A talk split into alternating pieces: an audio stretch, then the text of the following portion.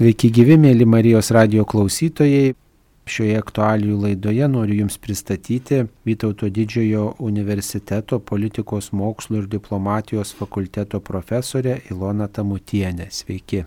Mėly Marijos radio klausytojai, profesorė Ilona Tamutienė politikos mokslo ir diplomatijos fakultete skaito paskaitas įvairiomis temomis busimiems valdininkams ir politikams. Tarp visų temų taip pat svarsto ir žmogaus orumo tematiką. Kiek yra šita tema aktuali žmogaus orumo tema tarp studentų, ar juos domina šita tema?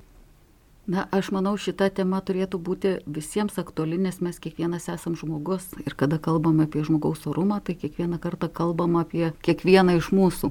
Kad aktualumą tokį turėtų, kad poreikį patys studentai prašytų tos temos ar kažkaip iškeltų tą temą, tai turiu prisipažinti, kad taip nėra. Bet kada kalbam šią temą, kada užvedi diskusiją, žinoma, aktualumas atsiranda, jie susidomi, išreiškia savo nuomonę ir mes diskutuojam.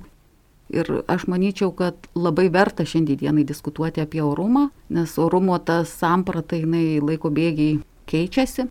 Na ir šiandienai mes turim tokį modernų orumo supratimą, kuris, ko gero, greužia pamatus to ontologinio orumo, iš kurio žmogaus teisės įsirutuliuoju tikrai tema aktuali ir ją reikėtų gvildenti ir ko gero ir mokyklose rimčiau. O kaip keitėsi ta žmogaus orumo samprata per skirtingus laikotarpius? Na, iš tikrųjų, jeigu mes žiūrėsime į orumą, čia gal humanitarai daugiau pasakytų, ne socialinių mokslų atstovai, bet aš manau, jie ateis laikas Lietuvoje, kai ir humanitarai įneš savo indėlį ir mums lietuvių kalba daug ką paaiškins. Aš gal remsiuosi prancūzų filosofo Erik Fiat požiūriu ir kaip jisai išskiria tą orumą istorijos bėgiai, tai jisai tiesiog antikinį arba buržazinį tokį statuso orumą išskiria. Po statuso orumo eina ontologinis krikščioniškas orumas, po to eina kantiškas orumas, po to santykių išskiria orumą. Na ir dabar mes gyvenam laikais, kada yra toks modernus orumo supratimas. Jeigu žiūrėsim po truputėlį istoriškai, tai tas vadinamas statuso arba buržazinis orumas, tai kas jam buvo Na tai iš tikrųjų buvo, jeigu mes žiūrėsim į visuomenės santvarką, karaliai, gimti turėjai, kad tą orumą statusą tokį turėtum, arba dar vėliau miestų kūrimas ir užsitarnauti tą orumą savo elgesiu turėjai, tai ta, na, tokia išorinė išraiška, kuri tokią vertę turėjo, kai jisai labai gražiai sako, na, pagal orumo metrą galėjai pamatuoti, vienas nusipelno orumo, kitas nenusipelno orumo. Na ir gana ilgai žmonijos istorijoje šitas buvo, kad mes galėjom tarsi ir pamatuoti tą orumą. Na ir po to mes prieinam visiškai prie kitos kokybės, prie krikščioniškos orumo, savokos ir tokios ir suvokimo. Tai jo esmė ir pamatas yra, kad kiekvienas žmogus yra sukurtas pagal Dievo paveikslą. Nuo šito atspirties taško viskas iš esmės keičiasi. Nes kiekvienas žmogus yra vertas, kiekvienas yra paveikslas, nesvarbu kokie jo pasiekimai, nesvarbu kokia jo būklė, ar jisai gražus, ar jisai turi kažkokį tai trūkumą, sakykime, vystimuose, ar jisai pasiekęs, ar jisai gimęs karalių šeimoje, ar jisai gimęs vargšų šeimoje. Iš esmės mes visi prieš Dievą lygus vien dėl to, kad mes kiekvienas pagal Dievo paveikslą. Mums užtenka būti žmogumi, kad mes turėtume orumą. Va, tai šitas iš tikrųjų yra labai revoliucija praktiškai mūsų istoriniam bėgiai, moraliniai toj plotmėj. Na ir mes Europai gyvenam, krikščioniškoj kultūroje. Tai tą orumo supratimą mes kaip ir perėmėm. Na ir po to ateina filosofas Kantas, Immanuelis Kantas, visiems turbūt girdėtas ir žinomas. Ir yra kantiškasis orumo suvokimas ir tikrai jisai nusipelnė labai daug, nes jisai išreiškė tokią mintį, žodžiu, kad kiekvienas žmogus turi neįkainomojo orumą, jo nepaversi pinigais, nepaversi preke, jisai tiesiog nėra įkainuojamas. Ir net ir tuo atveju, jeigu mes priimsim, kad Dievo nėra. Žodžiu, jisai tokį universalų suvokimą, nepriklausomai nuo kurios religijos, tiesiog visiems priimtina, tą mintį išreiškia. Va, ir jisai sako, kad pats orumas kyla iš moralinio įstatymo. Iš tokio vidinio moralinio įstatymo ir kaip žmogus negali būti priemonė. Jis pats savaime savo viduje yra tikslas. Kanto tokis suvokimas ir mums paaiškinimas, kas yra žmogaus orumas, jis tikrai labai nusipelnė, kad mes po to perinam į tą žmogaus teisų koncepciją, reiškia, orumą pernešam. Iš tikrųjų, jeigu mes žiūrėtumėm, iš kur ir subrendo pats Kantas, jisai juk irgi buvo krikščionis protestantas. Ir jeigu žiūrėtumėm jau daug dalykų, vis tiek gimė šaknis to ontologinio kantiškojo orumo vis tiek krikščionybei.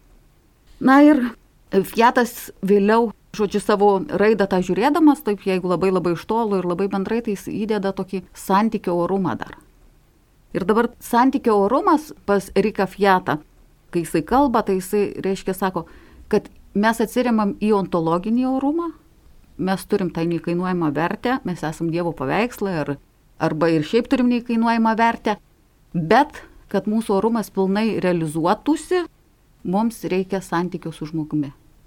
Tai iš tikrųjų šitas labai aktualu šiandienai Lietuvai ir visam pasauliu, ko gero. Ir čia labai svarbu pasakyti, kada mes kalbam apie santykių orumą, tai kad orumas negimsta iš to santykio, bet orumas tik pilnai realizuojasi, įsiskleidžia tame santykėje.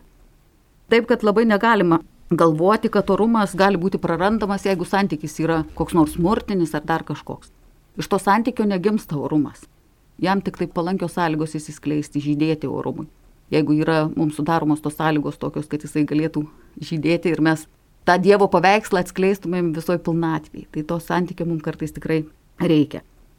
Bet tai reikia labai pabrėžti šitą, kad orumas neprarandamas, bet gali būti prarandamas orumo jausmas. Jeigu pereinant prie modernaus orumo supratimo, kas labai stipriai reiškiasi šiandieną, tai ką reiškia modernus orumas pagal tą sampratą? Tai reiškia, jeigu aš esu Arba jeigu žmogus autonomiškas, nepriklausomas ir meistriškas, tai jisai yra orus. Dabar ką reiškia autonomiškas? Kad aš pats save apsitarnauju, valdau savo kalbą, valdau elgesį, mintis, esu autonomiškas nuo kitų. Nepriklausomas, kad galiu išgyventi. Man dar nereikia patarnauti, aš esu sveikas, nepriklausomas. Na ir meistriškas toks, kad aš esu profesionalas. Jeigu aš kažko siekiu, tai aš turiu pasiekti tiek, kad tiesiog pilnatvė. Bet čia yra kartu, na, kad žmogus nori būti autonomiškas, nepriklausomas ir meistriškas, čia tame nieko kaip ir blogo nebūtų. Nes e, žmogus, kada skleidžiasi ir savo galės realizuoja, tai tos savybės, tiek autonomiškumas, nepriklausomas, meistriškumas gali mums padaryti ir atverti galimybės daug gerų darbų padaryti. Tai savaime nėra čia blogas dalykas. Bet blogas dalykas, kada jisai šitas požiūris tiesiog užgožia visą kitą. O kas tada? kada aš nebemeistriškas, kada aš jau priklausomas nuo kito, kada aš jau negaliu būti autonomiškas, kada man reikia kito žmogaus. Kas tada? Ir iš čia tada eina visokių sprendimų, žodžiu, ir turbūt tos jautros temos, ir eutanazija, ir visokie kitokie dalykai tada suaktualėja ir taip toliau. Ką reiškia tada, kada aš jau nebegaliu? Mes kiekvieną savo grožį, sakykime, prarandam su amžiumi. Nepakeisi. Vis tiek visi turim pasenti. Sveikatos problemos, ir visokie kitokie dalykai. Ir šitas požiūris modernus, kada akcentuojama, kad aš esu oros dėl savo autonomiškumo, profesionalumo, meistriškumo ir nepriklausomumo, jis iš tikrųjų greuna pamatus ontologinio orumo. Nes jeigu mes pasižiūrėsime į šitas savokas, tai mes matysim iš tikrųjų, kad tai yra žmogaus pasiekimas, žmogus pats savyje, iš savo jėgos, galima sakyti. Tas ontologinis orumo supratimas kaip ir nelabai reikalingas tokiam žmogui, kuris taip mato. Tai va, tai toks iš tikrųjų didelis dalykas yra. Na ir šiandien mes gyvenam pagal modernų orumo supratimą, nors turiu pasakyti, kad ko gero mūsų gyvenimą, tą kasdieninį gyvenimą ir darbų gyvenimą, ko gero kolonizuoja teisinis mąstymas, teisinė tokia paradigma. Na ir kada mes kalbam apie žmogų, apie žmogaus orumą, tai tada žmogaus teisės įgauna tokią pirmą svarbą. Nes iš tikrųjų dabar ta raida tokia yra įtampa tarp identitetų, religijų, nereligingų žmonių ir taip toliau. Ir mes visi esam, mes visi žmogaus teisų nešiotojai, visi orumo turėtojai. Bet iš čia per modernų orumo supratimą, tokį koks dabar jisai reiškiasi mūsų dienom, iškyla grėsmė ir žmogaus teisėms. Nes žmogaus teisų koncepcijoje nėra orumo apibrėžimo. Jeigu mes pasižiūrėsime, tai orumo apibrėžimo ten jūs nerasit. Parliktas orumo supratimas subjektyviam žmogui žmogaus suvokimui. Kaip žmogus supras, taip jis ir galvos. Tai va iš čia kyla nemažai problemų ir vakarų pasaulyje, ir mūsų. Na ir mūsų posovietiniai visuomeniai ko gero problemų daugiau. Ir kodėl aš taip sakau? Todėl, kada kalbinu apie studentus ar taip su žmonėm kartais iškyla kažkokia kalba apie orumą. Tai dažnai žmonės ir apeliuoja į tą tokį statuso orumą labai dažnai, į pagarbą, tokį kaip sinonimą. man labai įstrigę, aš ten turėjau tokių veiklų ir pavadinime buvo ten vaikų orumo rėmimo programa. Tai pavadinau ir naujas toks dalykas, ir bičiulės, ir katalikė, viena mano gera bičiulė, jinai sako, bet kam tu įdėjai tą orumą? Sako, kas tas orumas, kas yra tas orumas? Ir aš tada pradėjau galvoti, kad čia nėra taip aišku žmonėms. Žinot, kai mokslė kažkaip pasiskaitai vieną kitą dalyką. Ir aš pradėjau mąstyti, klausinėti žmonių po truputėlį. Ir aš žiūriu, kad man sako tokius dalykus.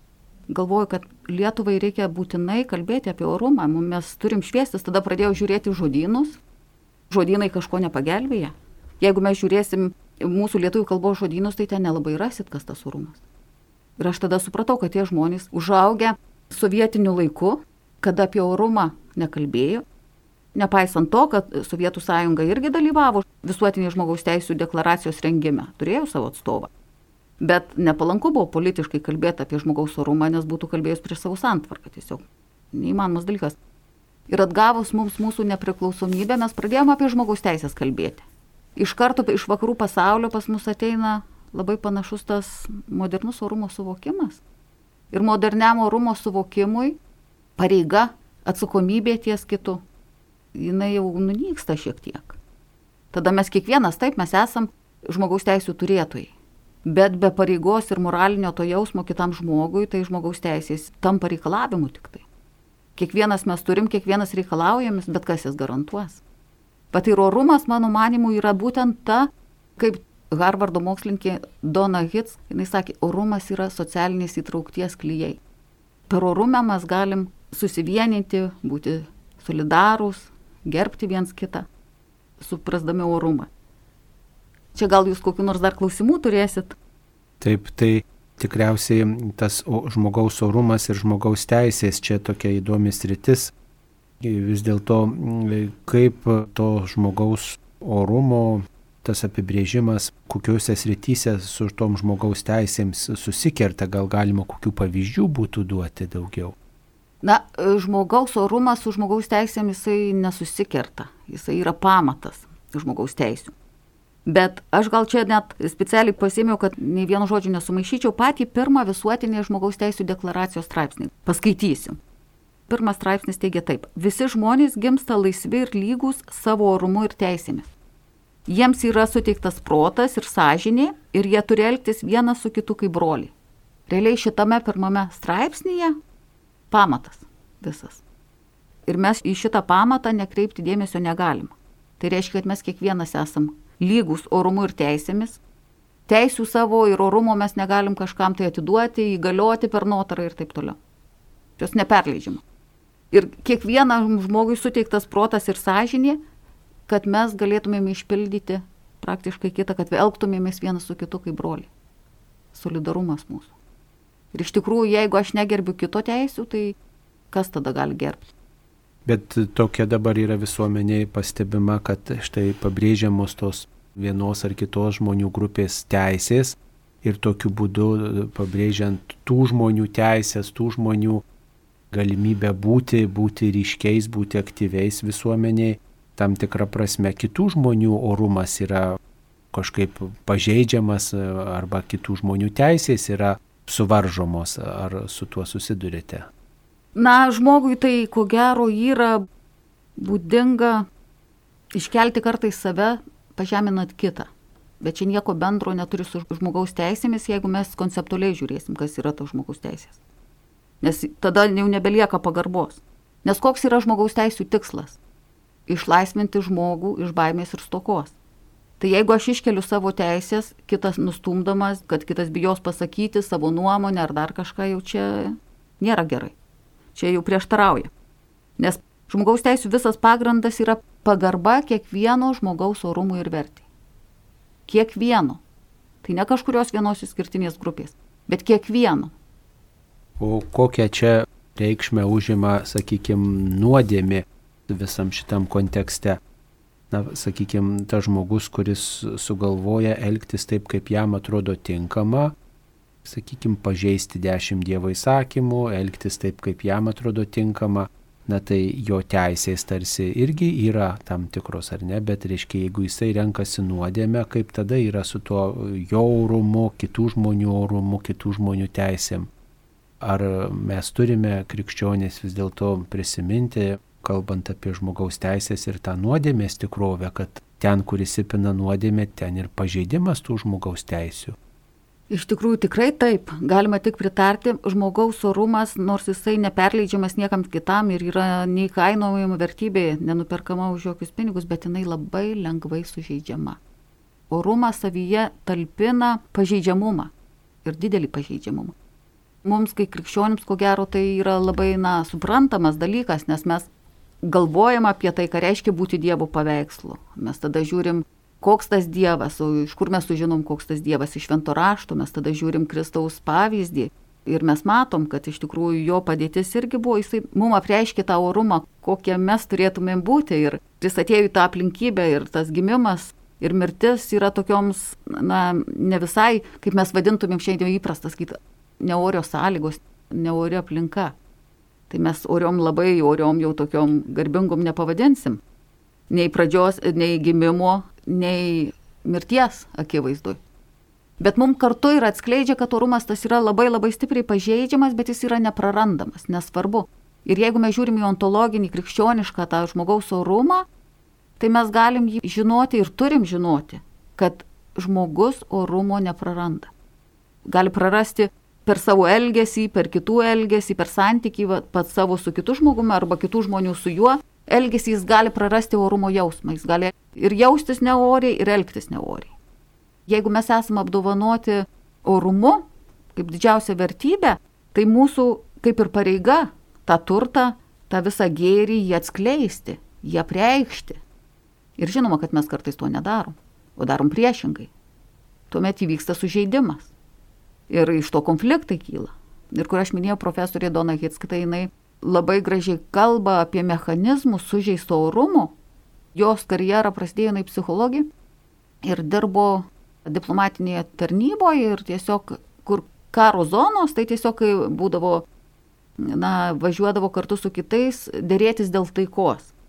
Prie stalo susėsdavo tos įpykę pusės abi ir jinai galvodavo, kas yra, kodėl tie žmonės negali susitarti. Ir jinai pamatė, kad yra sužeisti orumai ir suprato, kol mes žaisim viens kito orumą, tai mes nepasieksim ramybės ir taikos. Dažnai ir ta nuodėmė eina kyla iš orumo sužeidimų. Labai dažnai. Na, o kaip mes galime prisidėti, kad visuomeniai mūsų apskritai aplinkoje tas žmogaus orumas būtų gerbiamas. Mes visi turbūt trokštam, kad kiti gerbtų mūsų orumą, o kaip mes galim prisidėti, kad kitų orumą gerbtume. Iš tikrųjų, labai daug galim prisidėti. Visų pirma, mūsų tas žvilgsnis. Be mūsų žvilgsnio mes turime atsiminti, kad mums reikia žmogaus, bet ir kitam žmogui irgi reikia žmogaus. Ir mūsų žvilgsnis galėtų būti tas, kuris padėtų kito žmogaus orumui skleistis. Neužsigniaušti kai kokiam žiedui nuo tamsos, bet atsiskleisti kaip nuo saulės. Tokiu atveju mes tikrai galim labai daug padėti viens kitam. Bet čia liečia ne tik kitą žmogų, jeigu žiūrėti ir patį save, nes yra iš tikrųjų toks, na, kai kurie žmonės tokie puikūs žmonės, bet jie apie save gal nebūtinai taip jau ir galvoja. Tai pačiam žinoti, kad žmogui irgi būtų gerai, jeigu jis, ypatingai čia Marijos radijas, tai katalikų turbūt daug klauso, tai žmogui pačiam savį jausti Dievo paveikslą. Išjausti, kad aš esu pagal Dievo paveikslą. Aš esu Dievo vaikas. Ir nesvarbiau tą Dievo paveikslą pažiūrėti kitame, mes atrodo gal dažniau patys prisimenam, kad mes esame išskirtiniai, kad mes esame tikrai svarbus, bet turbūt mūsų konfliktuose ir dažnai, kai tas žmogaus orumas yra pažeidžiamas, kai žmogaus teisės paminamos, turbūt dažniausiai pamirštama, kad kitas yra sukurtas pagal Dievo paveikslą, nes jeigu mes į kitą žmogų žiūrėtume kaip į Dievo paveikslą, turbūt e, to žmogaus orumo pažeidimų nebūtų. Ko gero, bet kartai žmogus jeigu aš žiūrėčiau į Lietuvą, aš Lietuvoje ką matau, yra labai daug savižalojančio elgesio, yra daug liūdėsio, yra daug vienatvės ir džiaugsmo mažai. Reikėtų daugiau to džiaugsmo. Nes tu gali padėti ir duoti kitam, jeigu tu turi ką duoti. Jeigu žmogus įsimastų, kad aš esu Dievo paveikslas, tada jisai žiūri, kaip aš turiu elgtis, būdamas Dievo vaiku. Tai mums visa Evangelija rodo, kad mes turim rūpintis vargšais, ligoniais ir visais kitais nuliūdusiais. Ir mums yra visa, visa instrukcija. Tada aš esu šventai įsitikinus, kad žmonės turi nuo savęs pradėti, pajausti tą savo orumą ir tuo orumu dalintis ir tikrai turėti tą orumų palydėtą žvilgsnį į kitą. Ir aš manyčiau šiandien dienai, kada modernus orumas, tai mūsų katalikų bendruomenė labai stipriai turėtų suvokti tą orumą, tą džiaugsmingą ir juo dalintis ir jį vėl iškelti kaip vertybę. Nes jeigu mes savo balsų neparodysim, nesijausim tokie na, tikri Dievo vaikai džiaugsmingi ir apie tai nesidalinsim ir, ir neginsim ir nesilenksim, neįsim į vargšus ir žodžiu nedarysim tą, kas mums buvo visai paprasta kažkada, kai kūrėsi ligoninės. Na, tai buvo, pavyzdžiui, Dievo viešbutis, ten gerų seserų kažkas, o dabar kas? Vietoj kryžiaus ligoninėse ar kur yra pacientų kartija teisų. Žodžiu, tokie kaip ir ta viešoji sritis, viešosios paslaugos savo, mūsų gyvenimas savo. Bet jeigu mes žiūrėsim, kataliko suvokimas orumo yra šiek tiek, na bent jau aš kai pasiklausau Eriko Fiat ir pati kai galvoju, tai žmogaus teisės užduoda tokį mums užtaisą pagarba kiekvieno žmogaus orumui ir vertį. O krikščionis tai jam yra gailestingumas ir meilė. Atitikmuo būtų pagarbos. Jisai daugiau savo įsiduoda, nes pagarba, jinai neneša to tokio krūvio savokoj savo kaip meilė neša. Meilė yra daugiau žingsnis į priekį. Teisinė prasme viskas tvarkoj su pagarba. Viskas tvarkoj. Bet ar užtenka tik tos pagarbos? Mes žinom, atstumą duoda pagarba. O meilė yra jau kur kas daugiau. Bet ar mes galim kiekvieną žmogų konkrečiai mylėti, čia jau kiekvienu. Ir dažniausiai mes galim mylėti ir su konkrečiais gailestingumo darbai žmonės tuos, kuriuos, kaip mes įpratę sakyti, Dievas atsiunčia į mūsų aplinką, į mūsų kelią.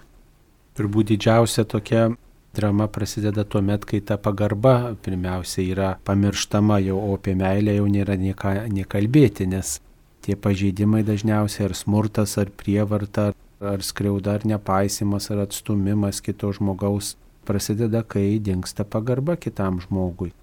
Ir vis dėlto, kas dar galėtų padėti mums išlaikyti pagarbą kitam žmogui, o tada galbūt eiti ir prie tos artimo meilės ko gero mes Lietuvoje turėtumėm kalbėti, kas yra pagarba. Nes čia irgi yra toks susimaišęs dalykas, ko gero. Kartais aš studentam liepdavau ant lapelio parašyti, kas yra pagarba. Tai visko parašydavau. Ir dažniausiai tą pagarbą sutapatindavau su žmogaus elgesiu ir nuopelnais. Tai aš juokaudavau. Sakydavau, na tai aš jeigu jau dabar profesoriai, tai galiu jūsų jau nebegerbti, nes aš daugiau pasiekus. Bet čia taip išaržuoju. Iš tikrųjų, mums reikia patiems galvoti, kas yra pagarba ir kas yra tas pagarbus elgesys. Tai labai iš tikrųjų rimta tema, nes kai kurie žmonės pagarbą sutapatina baimį.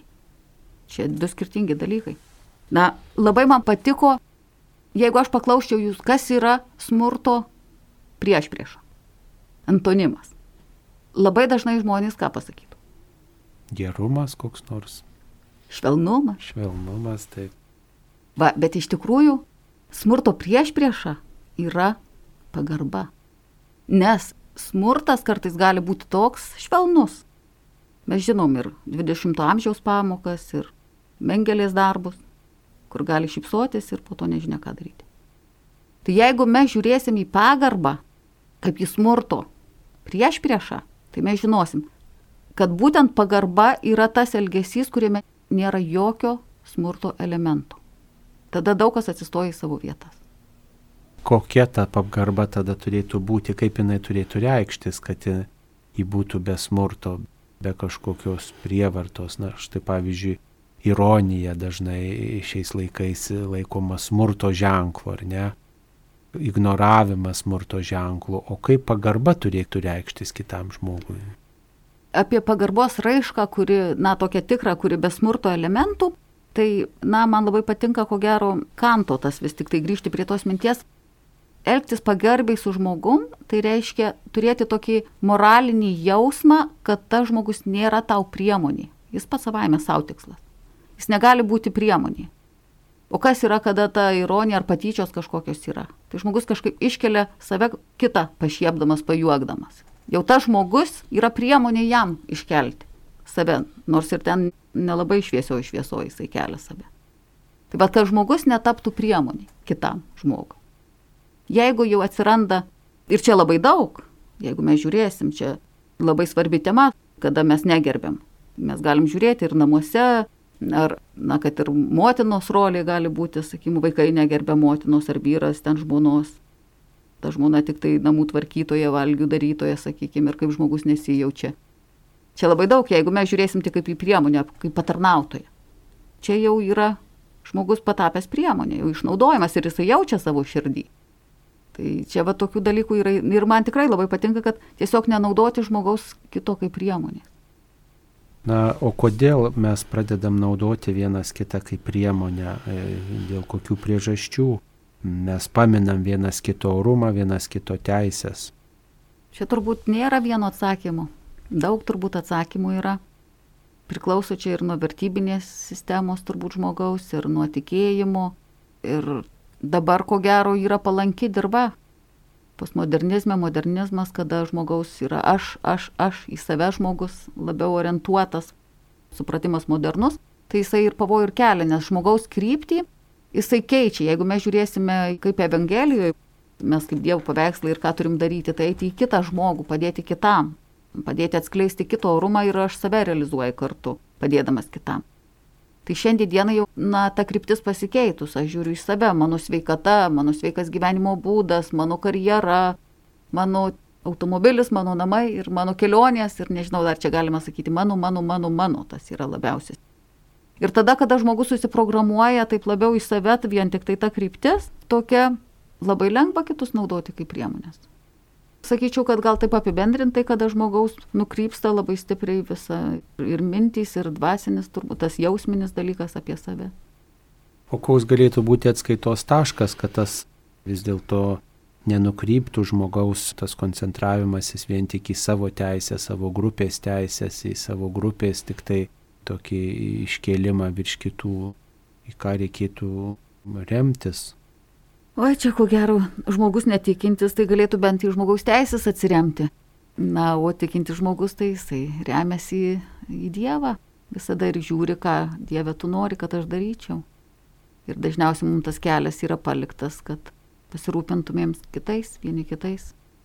Na, bet e, netikintis žmonės dažnai susiduria su tokiu paradoksu, kada, sakykime, štai iškeliamas žmogaus teisų klausimas, tačiau dažnai tikinti žmogus varžomas, kad reikštų savo požiūrį, kad, reiškia, savo vertybės neštų dažnai apribojamas ir ar čia nėra tom tikro tokio paradokso. Jo neturėtų būti, nes čia susikerta, kaip sakant, požiūriai. Žmogaus teisės yra kartu ir žodžio laisvė. Jeigu riboji kitą, nežinia, kodėl tu jį riboji. Jeigu dėl to, kad iškelt tik tai savo, tada jau tu tą kitą, kurį riboji, kaip ir priemonę darai, jau tau jis nebereikšmingas, nereikalingas, kažkoks neparankus. Tai čia tokio jau pagarbos pačiom žmogaus teisėm jau mažai belieka. Nes turbūt dažniausiai pastebim visuomenė tokį reiškinį, kad e, mojuojant žmogaus teisėmis kaip tik tai norima teikti savas teisės pažeminant kitą ir turbūt pasigendama tokio objektivumo, kad štai taip, galbūt yra pažeidžiamos kažkokios teisės, bet tą gynybą nereikėtų plėtoti pažeminant arba pribojant arba užčiaupiant arba kažkaip nuskriaudžiant kitą. Tai va turbūt mes su tuo labiausiai susidurėm, ar ne visuomenė, kad reiškia žmogaus teisų vėliava iškeliama, ne tik tai, kad kažkieno teisės būtų apgintos, bet tam, kad būtų pažeminti, suniekinti kiti.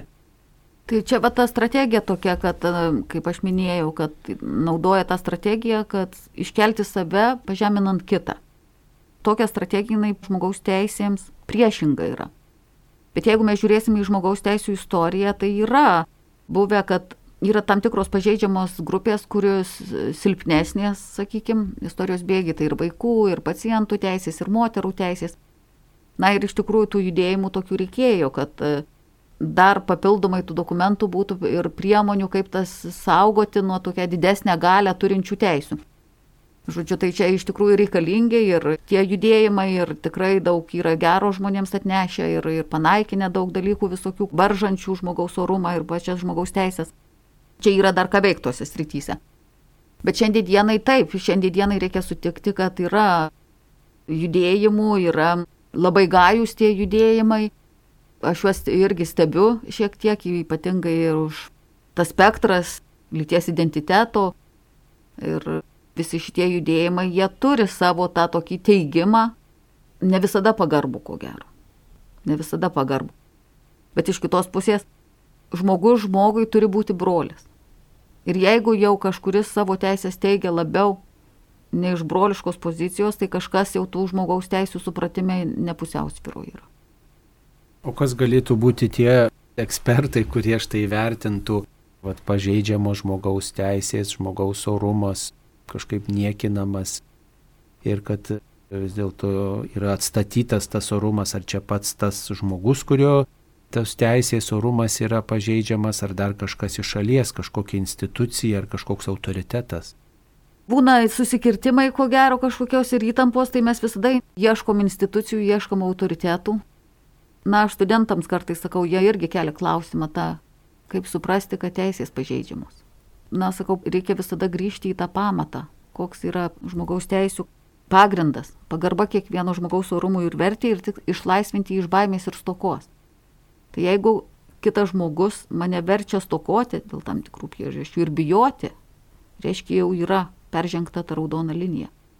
Ir šiuo atveju, kada jūs sakot, kad jeigu viena kažkuri grupė savo teisės iškelia daugiau ir žemindama kitą, versdama bijoti, atimdama, varžydama žodžio laisvę, jau čia yra ta riba peržengta, jau to pagarbaus susikalbėjimo apie žmogaus teisės ir kiekvieno žmogaus orumą jau stokojama. Nes mes ir viena pusė, ir kita yra žmonės. Ir aš manau, kad būtent tas orumas mus gali suvienyti, aš tikrai šventai tikiu. Suvokimas orumo, kad ne kažkokiose idėjose mes turim kautis, bet viens į kitą žiūrėti kaip į žmogų. Galbūt sužalota. Prisimenu, aš buvau studentė. Na ir dalyvau nevyriausybinio organizacijų veikloje ir jis iki iš Šveicarijų, ten buvo katalikiškas vaikų biuras berots. Ir jie buvo apie psichologinį atsparumą tokį knygelę parašę ir aš tada domėjausi to psichologinio atsparumu. Na ir ten buvo sulyginta apie žmogų, apie vaiką toks palyginimas, na, kad kiekvienas vaikas, kuris galbūt ten gimė aplinkoje tokioj žalojančioj. Žodžiu, kad jisai yra kaip ikona, kuri gali būti subražyta, kažkaip suteršta, nuo laiko, nuo žmonių elgesio, bet mes žiūrim į tą ikoną ir mes vis tiek, kad ir kažkur giliai mes matom tą Dievo vaizdą. Ar Marijos ten kas ten bus to ikonai. Tai vad mes kiekvieną žmogų irgi turėtume matyti per, jeigu esą mūsų orumas sužalotas, tai mes žiūrėdami turim įgauti tą galę pamatyti už tų sužalojimų. Giliau. Ir mes iš tikrųjų kiekvienas tą vatorumą nešiojam, nesvarbu kokiai grupuotėjai mes tam priklausom, kuriai stovyklai, kokiai ideologijai, kokiai religijai. Jeigu mes žiūrėsim į tą tokį ontologinį orumo supratimą arba tokį krikščionišką, tai mes visada pamatysim už tų sužeidimų žmogų. Bet reikia labai žiūrėti. Na turbūt visada reikia norėti tą orumą pastebėti ir savo, ir kito, bet turbūt dažniausiai žmogus siekia savo iškelti, o kitą pažeminti. Ir tokiu būdu kalbėti apie, iškia, mano tariamai žalojamą orumą. Nes turbūt e, čia yra tokia kovos taktika teikti save pažeminant kitą, ne, ir tarsi aš tada esu ryškesnis, mano teisės tada atstatytos, kai yra kitas kažkaip pažemintas. Baigdami šitą laidą galbūt dar kartą pabrėžkime, tiesiog priminkime, ką galime laikyti to žmogaus orumu ir kada pastebėti, jog tas orumas jau yra pažeidžiamas ir kaip jį galima būtų atstatyti. Sunkus klausimas, turbūt ir sunki pabaiga, ko gero pasakyti, nes čia tą orumo jausmą kiekvienas žmogus savy turi turėti ir suvokti. Aš tik pabaigai noriu pasakyti, kad tas žmogaus orumas, ontologinis žmogaus orumas, katalikams yra tas įspaudas Dievo atvaizdo mūsų viduje, mūsų esybėje. Jisai neprarandamas, neįperkamas, nenuperkamas, visada yra ir visada bus iki paskutinio mūsų atokvėpio, ko gero. Ir labai norėčiau paakcentuoti, kad niekada neįmanoma orumo prarasti. Vat šito ir neįmanoma prarasti, mes galim prarasti tik orumo jausmą. Ir kokios be būtų sąlygos, kokie be būtų žalojimai, kokie be būtų sužeidimai, pažeidimai, mes prarandam orumo jausmą. Na ir jeigu mes sutinkam žmogų tokioj padėtyje, kada jisai yra praradęs tą orumo jausmą, tai mes turim padaryti viską, kas nuo mūsų priklauso, kad galėtumėm atstatyti tą orumo jausmą. Tai ir per gailestingumą, o kartais užtenka vien pasakymo žmogui, kad tu esi vertybė, tavo orumas neprarastas. Nors žmogus pats tikėjo šventai, kad tai nebeturi orumo, nes gali būti įvairios sveikatos būklės ir taip toliau. Tai mūsų pareiga tą orumą jam atstatyti. Ir savo nepamiršti, kad ir kokioje vienatvėje, kad ir kokiam varge, kad ir kokioje kančioje atsidursim, irgi galim žiūrėti būtent į orumą. Taigi kiekvienas žmogus yra sukurtas pagal Dievo paveikslą ir panašumą ir kiekvienas žmogus yra pašauktas gerbti save kaip Dievo kūrinį ir su tokia pagarba žvelgti į kitą žmogų, kad ir kokia situacija bebūtų. Šioje laidoje jums kalbėjo Vytauto didžiojo universiteto politikos mokslo ir diplomatijos fakulteto profesorė Ilona Tamutienė, ją kalbina aš, kunigas Saulis Bužauskas. Visiems linkiu prisiminti, kad esam visi Dievo vaikai, broliai ir seserys. Ačiū, sudė. Sudė.